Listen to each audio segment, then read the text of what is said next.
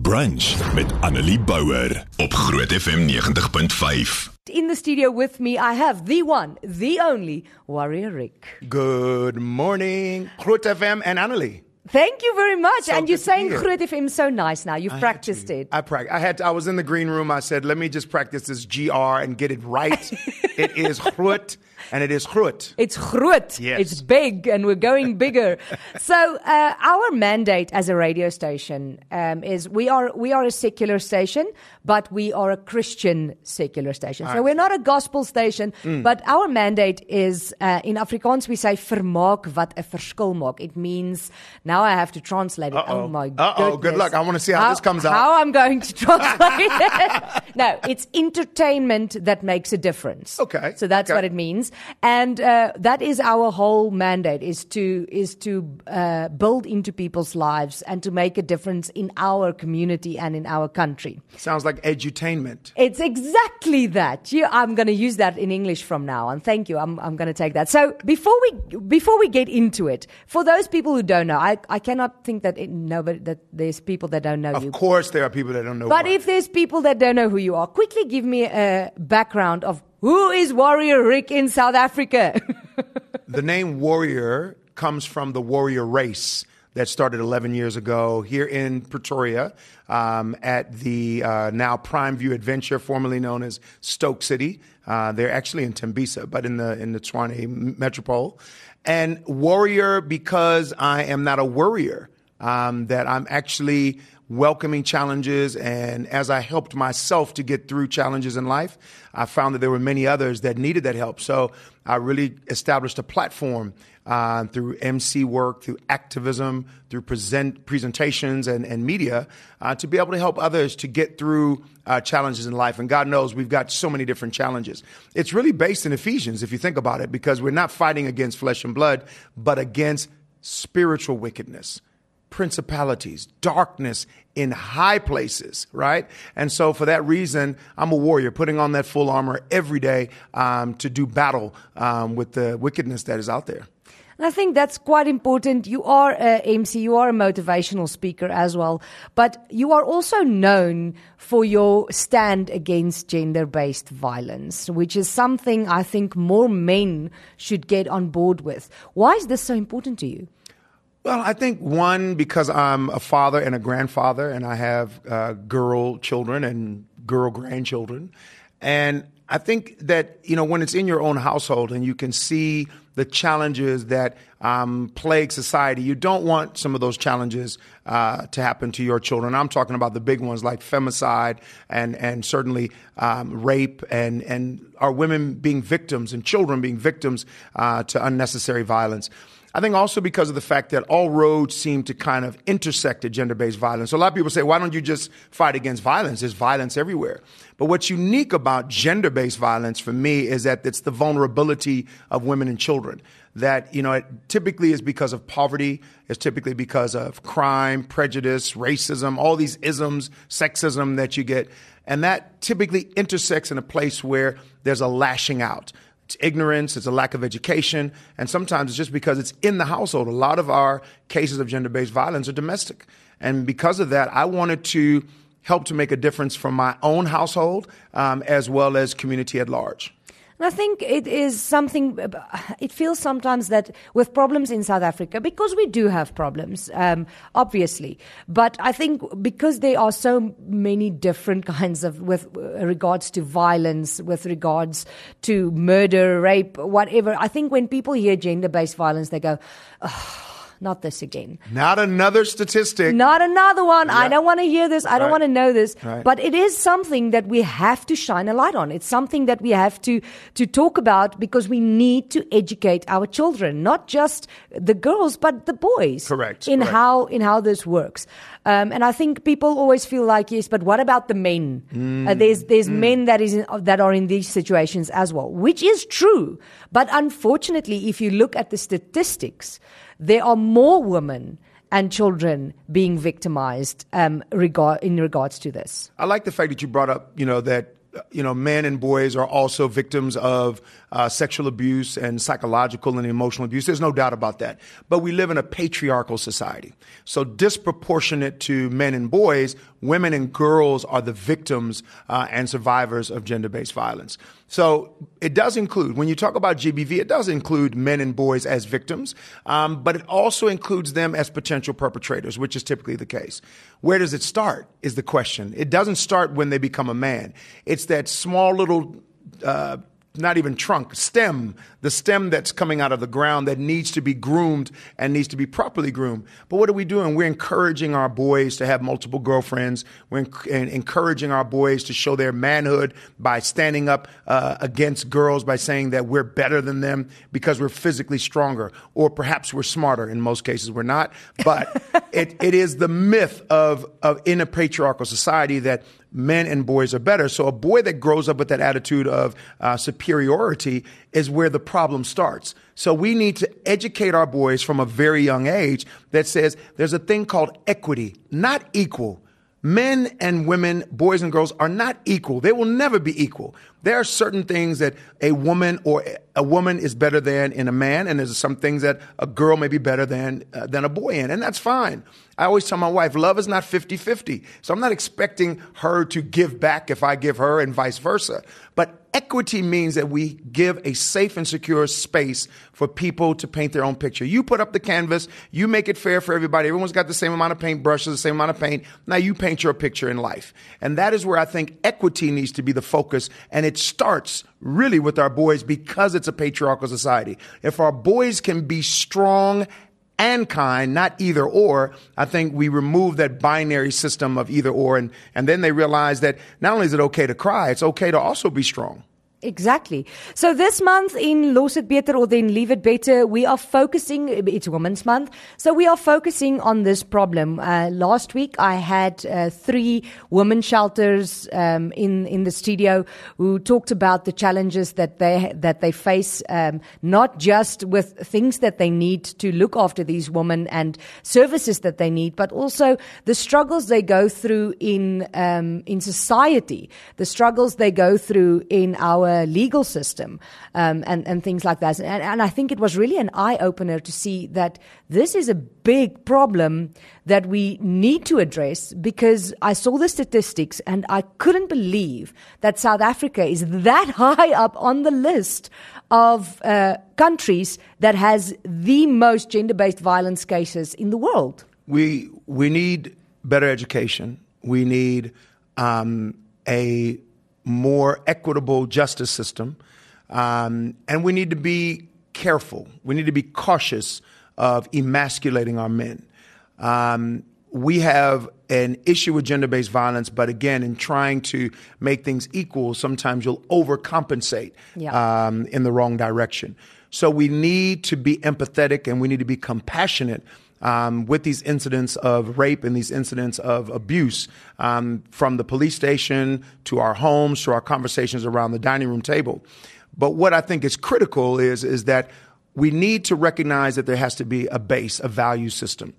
What I love about NPOs, like perhaps these shelters that, that came on board, is that they're pragmatic. They haven't waited for a law. They haven't waited for um, a particular uh, politician or senior person in society to come through and say, this is what we're going to do. They've decided to take it amongst themselves in the present moment with what they have and to address the need. And addressing the need means not only giving a shelter, as in a physical bricks and mortar home, uh, to women who've been battered and their children um, who have been victims of uh, of abuse. They've also helped to bring back dignity, bring back self discipline, self respect. And these are the things that will give us the sustainability. What you're doing this month cannot just be about impact. It's got to be sustainable. Um, and when it's sustainable, what happens is, people want to latch on. So our women's shelters, um, our institutes that men and, and girls and boys and, and women have been part of are all part of a process of making sure that in the end, that it, it helps to reduce the, t- the statistics. We've got to get get more convictions. We have to get um, uh, more of our perpetrators in jail. But wouldn't it be better if we just didn't have as many perpetrators? In fact, what if we had no perpetrators? Then we'd obviously root out the problem. But it starts with looking after our survivors, making sure that we educate not only them, but educate the men and the boys who are oftentimes the, the perpetrators so that we don't um, perpetuate um, this horrible situation of gender based violence. Okay, when we come back, we are going to to uh, talk about education uh, both ways because I think women and girls also need to be educated. So we're going to talk about that. We're going to talk about uh, the impact that gender-based violence has on other criminality, uh, which is a statistic I didn't even think of until I saw it. So that's all on the way. Bly ingeskakel op Groot FM 90.5. Ja, jy is nog op Groot FM 90.5. Ek weet ons praat Engels. Ek gesels met Warrior Rick en ons praat bietjie oor slagsgebaseerde geweld en waar die probleme of waar die wortel van die kwaad dan nou lê so te sê. Warrior Rick in the house and we are talking about in Women's Month about gender-based violence.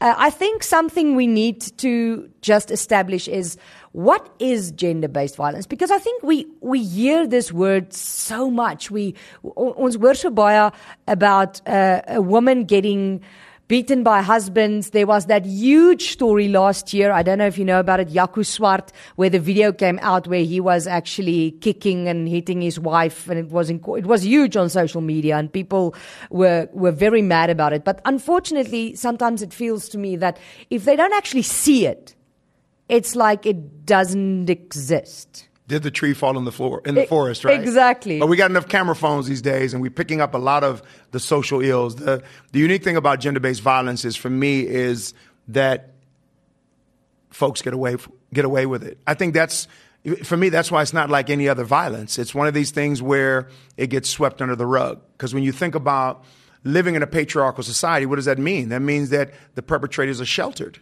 So they get shelter from the fraternity of men who allow the femicide to not be uh, um, the, the perpetrator of the femicide not to be convicted.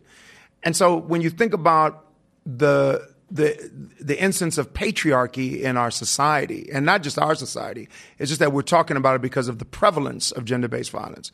But because of patriarchy, that actually instigates the gender based violence, but it also protects the gender based violence. So, definition what is GBV? For me, it's patriarchy getting away with murder. And that's exactly it. It is. It's. Uh, it's something that gets hushed. Women are ashamed of it. Uh, one thing that gets I'm a redhead, so that gets my blood boiling, is when there uh, there's stories like this in the news and people. And I'm going to say it, and they're going to be mad, but has the audacity to say, "But what did she do?" Mm. And I'm like, it doesn't matter what she did. nothing, nothing, nothing, nothing gives you the right to do that. We have to raise, listen, we have to raise our girls with dignity and with respect and self discipline. But if that girl is not practicing self discipline, self respect, and I mean in the way she walks and the way she talks and what she wears, that is on her. It does not give you the right because you think that she has a behavior that is promiscuous or a behavior that is flirtatious that gives you the right to take advantage of her. So, although we need to raise our boys and girls with self discipline, self respect, um, and self love, even if they don't practice that, it does not give you the right to touch them in a certain way, to speak them to them in a, in a certain way. I don't care if you're a teacher, a pastor, uh, a coach, or even if you're a colleague. And I think that's where we've missed the plot we said, well, as you said, she was showing cleavage, so that gives me, you know, access to her. No, it does not. And I think because you have self discipline and self respect. Correct. So if, if both have self respect and self discipline, yeah. then it's easy. It goes back, Annelie, as we said at the top of the hour, values. So those things, when we talk about values, and they often come, they do come from church and from worship, but they also come from what you value. It starts with yourself. You have to value your body. You have to value your mind, value your spirit, and do unto others as you would have them do unto you. So if you respect yourself, you're going to respect others. Exactly. Somebody says uh, on the WhatsApp line, uh, they say it comes down to fatherlessness. You need fathers and leaders to show men how to treat women. I've heard it often that South Africa is a, is a fatherless nation. Um, and, and, and I hear that often, and I don't disagree with it at all. I've, I've witnessed in many communities um, go-go's, grandmothers, omas that are raising five families, and there are, you know, 10 to 16 year old boys that are being raised by one go-go. So it's not only the fatherless nation that we have, but we have substance abuse that, that have unfit mothers that are trying to raise families. We have mothers that are absent as well. But there is no doubt that um, patriarchy does promote fatherless, fatherlessness because if you're tallying how many girls or women that you can have sex with and you're doing it irresponsibly, then certainly you're going to have children out of wedlock. You're going to have children out of the household. And we're encouraging the boys and the men to just keep on tallying up numbers of, of promiscuity and, and, and going out and having multiple uh, partners. And that is dangerous for a society that cannot even manage the populace we have now. What will happen in 10 years, 20, 30 years from now with more children um, that are going to flood the, the systems of, of, of social care in terms of education, in terms of health care? And, and that's where, you know, the, the fatherless nation, but also I think the family unit in general, um, including our older brothers, they need to start taking accountability and saying, not on my watch that when we have these conversations, that your words are a creative force. When you speak about girls and women from the male perspective, that you do it with respect and you do it with love. Um, and let's stop ta- let's stop this conversation around how many girlfriends you have, tallying up how many girls you have and how many you hit, how many you you you you split. This is the language that we're oh, using. Oh my word! You know, oh, and and oh, did you kill it? Did you kill it? I mean, that that's the wrong type of language we should be having. We should be talking about love, and in love, we can speak about how I love my girlfriend and I spend time with her and I engage with her, and we have plans for the future. And that's what's the conversations we should be having, so that we can nurture relationships. Uh, somebody says here, I'm going to try and translate it. They say that um, is gender based violence for men and women, or is it just women? Because sometimes it feels like the men do not get. Um, they, they don't get the same help that women get when it comes to gender based violence. And I think this comes back to what we need to talk about uh, is where does this start and where does it end? It, we, we, talked about it again a bit earlier, Annelie. There are men and there are boys who are psycho. I mean, what's the definition of gender based violence? Again, it is about the patriarchal society, but the textbook definition is psychological, emotional, financial, and sexual abuse.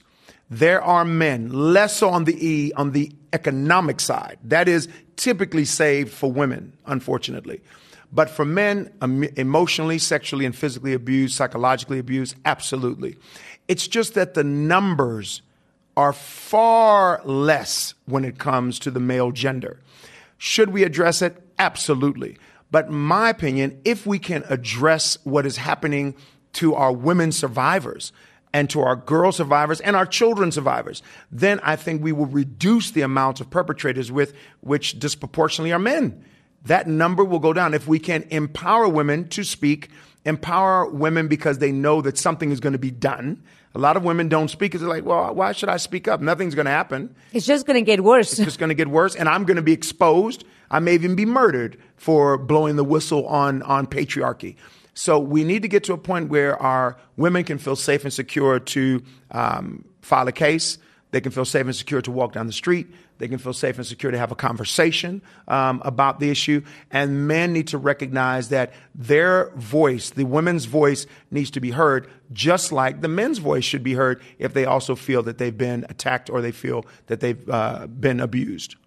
Uh, something we need to talk about is the legal system. So we said uh, off air, we spoke about uh, our legal system on paper is actually great. It just doesn't mm. get uh, enforced in the sense that. well, it's uh, because we have one of the most liberal constitutions on the on the planet. And so that's wonderful in, in the spirit of Ubuntu and the spirit of a new democracy. And we can see what's happening with the democracy in the U.S. It's failing because of freedom because we've allowed a, lots of free will. And what's the most difficult thing to manage? Free will. It's God given. And in an illegal democratic society, we want folks to feel free in, in, in the country. So in the nation, with all of this free will, we're dealing with adult children who are misbehaving. exactly. I said the other day, uh, some people will be will get mad, but I think we have too much freedom. It's like when you let a kid just do what they want to do. it's and, like no discipline, no nothing. And yet, on the other hand, we don't want anarchy. We don't want to live in a society, you know, with dictators. But you know, and and and I don't know the the full story on Rwanda, but they had quite a turnaround from the genocide in 1994 to where they are today. Now look at our history from 1994 when I arrived to now, and there there therein lies the disappointment. But to look at Rwanda, who is practicing democracy, but with a kind of dictatorship. Yes. I mean, I'm not going to say that the leader is a dictator, but the the discipline that the uh, uh, president puts on to Rwanda makes people shiver when they think about breaking the law. Folks aren't shivering here when you think no. about breaking the law. They think about how what, what's the fastest way to get get away with it. Is it a cold drink? Is it speak to my big uncle? Is it um, hide? So the sheltering of the law and the sheltering of, uh, of, you know finding loopholes in the law, and not even on paper. I mean, you can find loopholes just on the street. Just you know, look the other way and that's uh, enough complicity to to keep the problem perpetuating. And I think when we talk about gender based violence, um, men sometimes feel attacked. they feel like we are saying all men are like this. Mm. It's not true. I am very blessed to to come out of a house where my father respects my mother, where my brother uh, respects me eh, and his wife in the way that we handle each other, where I had the chance to become anything I wanted um, and I thank God every day for that because I I cannot even imagine growing up in a house where you where there's not just physical but emotional abuse, mm. or worse than that, where you get told that that you can't be something because of the gender, because of your gender or your skin or whatever. It, it doesn't make sense to me. But this is a problem that we do have. So. I think what something that Sunay said when you guys was, were standing outside was we are not going to judge the person. We are judging the act. Absolutely. Because that is what Christianity is. Absolutely. Christianity is about a second chance mm. and forgiveness. So, and I think that's, that's something we struggle with is that forgiveness part. That part where you do not judge somebody on the last thing they did, but on how they are trying to better themselves. The power of reconciliation. I pray for it every day. I pray for reconciliation with my wife, reconciliation with my children, reconciliation, reconciliation, even before the act. And why do I do that? Because the, one of the hardest things to do as a human is to forgive. Yep. It is the ego that gets in the way. So praying for reconciliation in advance just says I'm trying to humble myself as a strong and kind man to make sure that no matter what happens during my day, that I can forgive. It was one of the biggest things that, that God did is that he forgave. And so, and still does to this day. So when I think about my history, my father is amazing. He's still alive. He's 98 years old. He's oh, an wow. amazing man. Um, still drives, by the way. Just don't be on the road when he's driving. um, I actually saw a video of you when you were in America with your yes, dad and your that, brothers. Absolutely. Yeah. Absolutely. But you know, he comes from a line of patriarchy, like we all do, and, and, it's, and it's no excuse. But he was abusive. He was an abusive man. Um, but that doesn't change my love for him. It doesn't change, you know, all of the goodness and the the love and the and the teachings and everything that he shared with me um, that that I use today. But those moments that still to this day trigger me I've learned to have them help me, help me in my marriage, help me with, you know, raising children, help me with the work that I do as an activist to end gender-based violence. That, that I don't have to, you know, repeat generational curses as they talk about. That for me, it's a generational blessing to, to not have regrets in life, but to have lessons. So, you know, for anyone listening to this that, you know, comes from a household of abuse or comes from, um, uh, any sort of, of violence that is related to this topic, um, my, you know, prayer and ploy to them is pray for reconciliation and pray that that poison that that person is trying to give you that you don't swallow it that that you forgive them and that you move on. Because otherwise you're going to constantly be walking around less than.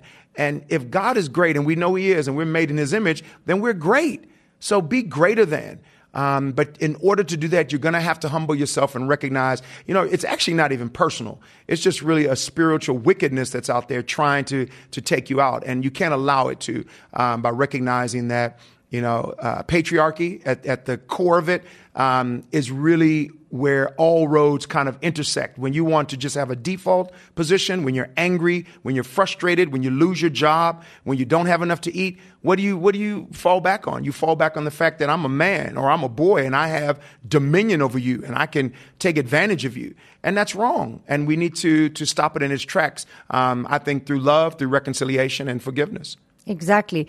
We have to, to try and finish this up. Okay. There's a lot of people sending messages. Somebody said, uh, Warrior Ric, great to have you in our society. You are an inspiration to many.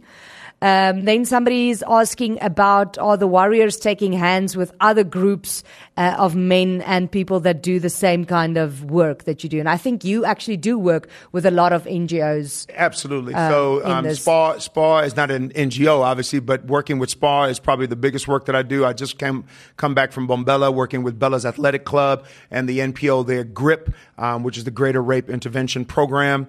Um, I work with NPA, Lifeline, True Life.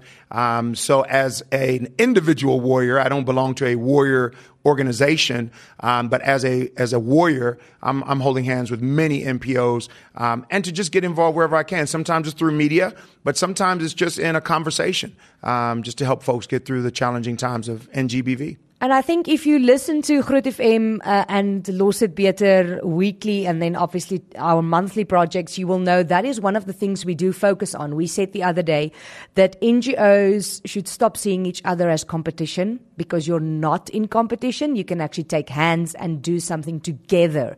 Uh, you, ha- you maybe have things that I need and I have things that you need. And if we start taking hands and working together, we can solve the problems uh, bigger problems faster uh, in, instead of trying to trade water on your own. It's transformative, hey? I mean, I, to anyone out there who wants to get involved. There are many, many organizations and there are many ways to get involved. Maybe you, you want to engage boys. You don't have to just only be at a women's shelter, which obviously includes lots of children.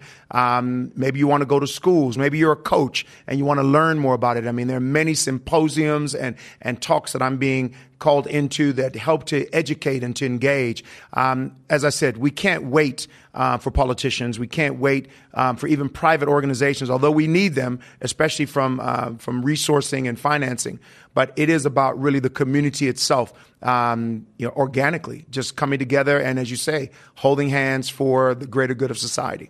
And this is what we spoke about yesterday. Uh, we we talked about the Babita Deokaran murder, uh, the whistleblower, and and everything around that. And that is that was the end of our conversation. Was saying, yes, we can say this is not our problem. This is not our job. This is not, you know, we can't do anything to, to protect whistleblowers. We are not the police. We are not the law. That's true. But we, as Christians, and I always say that, if you, if you are a Christian, you do have a responsibility. Um, it's, it's, it might not be your job. You're right, but you do have a responsibility to shine light on problems, to bring light in a in a dark world, uh, to spread the word and love. And if you say that you that you are a Christian, that love should actually propel you to get involved in things and, and make a difference. Well, isn't it all about the, the title of this program? I mean, it's really about sustainability. Um, we're paying rent for the, our time on this planet. So each day that you have grace and mercy uh, to live and to breathe, then you should be giving back to it as, as, a, as a way of saying thank you. Gratitude isn't just on the lips. Gratitude is with your hands and your feet and getting involved. Um, Christ said the two things that you need to do when I leave this earth is follow me.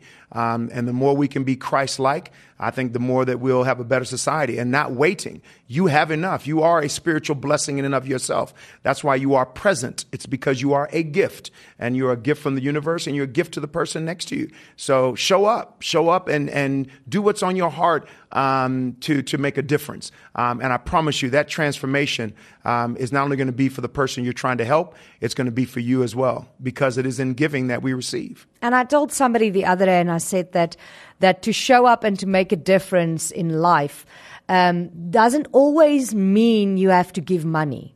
But sometimes it is your gift to be able to give money. So, so in showing up and making a difference, it means giving, for some people, it means giving your time. Some people, it means giving your expertise. For some people, it means uh, getting other people to join and help. Um, so, so you, God, God gave you gifts that helps you make a difference in whatever way. Uh, because somebody sent me a message and say, I can only give money, but it feels so, uh, you know, I'm like, we need the money. Absolutely. so, Absolutely. so I think you can help Money's in, a in whatever way. facilitator. It's a facilitator, and it facilitates more resources. So that's very important. I mean, Annalene, and I didn't mean to interrupt you, but when I think about so many people who come to me and they say, Ric, I'm just trying to find my purpose. You seem that you seem so positive. You're always so optimistic. I pray for that optimism. I pray for that for that positivity, and I do it by praying for peace. Peace surpasseth all understanding. You want to know what your gift is? You want to know what your purpose is? Then you need to find that peace. And the best way to find that peace is to turn off the news, turn off, and I don't mean to turn off Groot FM, by the way, because I know the news is coming up. but when I say turn it off, don't be oblivious to what's happening. You need to be aware and you need to be, you know, uh, cognizant of what's happening around you. But your conscious is, and, and your conscience is what's critical. In order to um, elevate that, uh, conscience is to be able to shut off and to retreat and to revitalize and to rejuvenate. Can you hear the re's? Relax and to respect and to remember. All these re's are when we actually pull back and we actually give thanks for what we have and we don't worry about what we don't have. And that's, I think, the beginning of giving because then you realize, wow, I do have enough and I can give. I'm living in abundance. And in that overflow, I believe that I can help others. Living a thankful life. Amen. So uh, this month for Los It Beter, uh, I don't know if you have ever tried to look in your wife's handbag. Um, I would never do that, but she sometimes looks into my man bag. your man bag. So, so a handbag we realized last week again is very important to women. Uh, we actually had a competition of uh, who we would like to be stuck with on a deserted island with their handbag because she Oh. will be able to survive. I won, by the way. Uh, Lovely. Oh my goodness. I just can I look in your handbag? You can, you can. You'll get, a, you'll find a Leatherman and everything in I there. I love it. So uh, this month we are actually collecting handbags. So we would like you uh, to get involved, get that old handbag that you're not using, or tell your wife to give hers, and pack it with basic things that some women, and especially in the women shelters, cannot afford. Stuff like sanitary products, soap. Uh, we you can put in deodorant, you can put in toothpaste, you can put in a toothbrush, uh, things like that, things that women like, and uh, we are going to leave it better in that way Oh, this month. What So, well, great one of the ways. That's one Yeah, of the one of things the we're ways, doing. yeah. So, so please get involved, and uh, obviously, Spar is also giving us ten thousand rand this month that we will tell you next week. Spar doesn't stop, Hank. They, do don't stop. not. So uh, we are going to tell you next week what we're going to do with that. Warrior Ric, if people want to know more about your motivational speaking, about where they can get involved, where can they get a hold of you? Even if they just want to chat, you mean if they just want to say hello, Hello. and engage? oh, I love this. So on uh, Instagram, it's the Warrior Ric. Um, Facebook is Warrior Ric. Um, and then go onto my website, Warrior Ric. So it's all things Warrior Ric. Remember, it's not Worrier, it's Warrior. Warrior Ric.